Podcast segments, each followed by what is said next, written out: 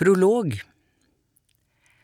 Fra begynnelsen av 1800-tallet og til godt ut på 1900-tallet ble utvalgte stammer og urfolk, deriblant samer, sendt på turné i Europa og USA. I tradisjonelle klær, med lavvo og reinsdyr, ble de i dyrehager utstilt for nysgjerrige skuelystne. Fordi mannen er hyggelig, eh, byr meg kaffe, pent stykke sølv, fordi han lover at vi skal bli godt betalt. Fordi jeg aldri vil kunne reise dit om vi ikke gjør det nå. Fordi jeg er nysgjerrig. Vi har jo alltid vært i bevegelse. På en eller annen måte. I bevegelse. Mor mi sa det, mormor mi sa det, og hennes mor sa det også. Det er bedre å være i bevegelse enn i ro. Men mest fordi de betaler godt. Ja, de andre nordmennene, finnene, svenskene, sier annet. Det er bra å være borte, men hjemmet er best. Hva er hjemmet? Hva er borte?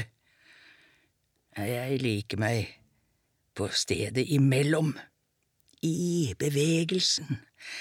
Jeg pleier å si vi er ikke hjemme i hjemmet, men i reisa. Jeg liker ikke fjeset på han, Du trenger ikke like fjeset på han. og han lukter beskt, rart, fremmed. Kanskje han har en sykdom? Ikke tull. Han har reist langt for å finne oss. Helt fra England, sa han. Han snakker bare noen ord samisk, resten er gebrokken norsk. Far forsto ikke noen av delene. Det er mor som kan språkene. Fars ansikt lukker seg når folk snakker og han ikke forstår. Det er ei ny tid, nye grenser, andre beiter. En nysgjerrighetens tidsalder. Det var ei anna tid. Det hadde ikke skjedd i dag. Jeg husker ennå da herr Dali banka på. Nei, du var for lita til å huske det. Det var så seint, og mor sukka og bar seg. Det var ikke en kveld engang. Du dagdrømmer så du tror det er sant. Det har du alltid gjort. Nei, jeg mener det. Jeg husker det. Og hva er det han mener egentlig? At folk er nysgjerrig.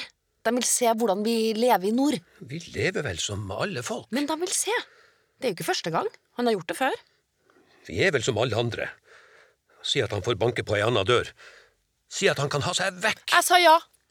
Mor ville. Far så på henne ei stund, før han gikk ut.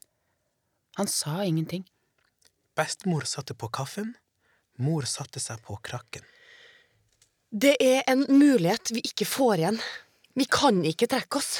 Her, ta deg noe å drikke. Men du skjønner det. Mor tok imot koppen med kaffe. Det var den eneste lyden i gamma ei stund. Mor som slurpa i seg den varme væska.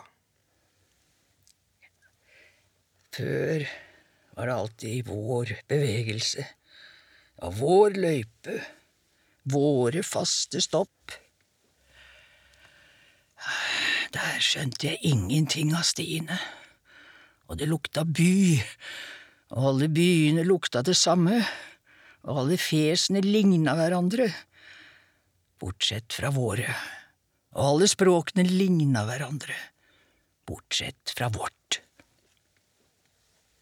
Mor og far snakka lavt sammen den natta. Jeg fikk ikke sove. Du snorka allerede før far kom tilbake. Gjorde jeg ikke? Gjorde du vel?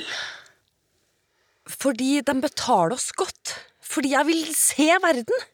Vi har ingenting å vise frem. Vi har ingenting der å gjøre. Fordi vi trenger pengene. Bevegelsen ligger i blodet. Vi er bare oss. Pappa forstår ikke. Ikke mamma heller. Jeg ville så gjerne ut og se verden. Hvordan kunne jeg vite at det var så lite å se?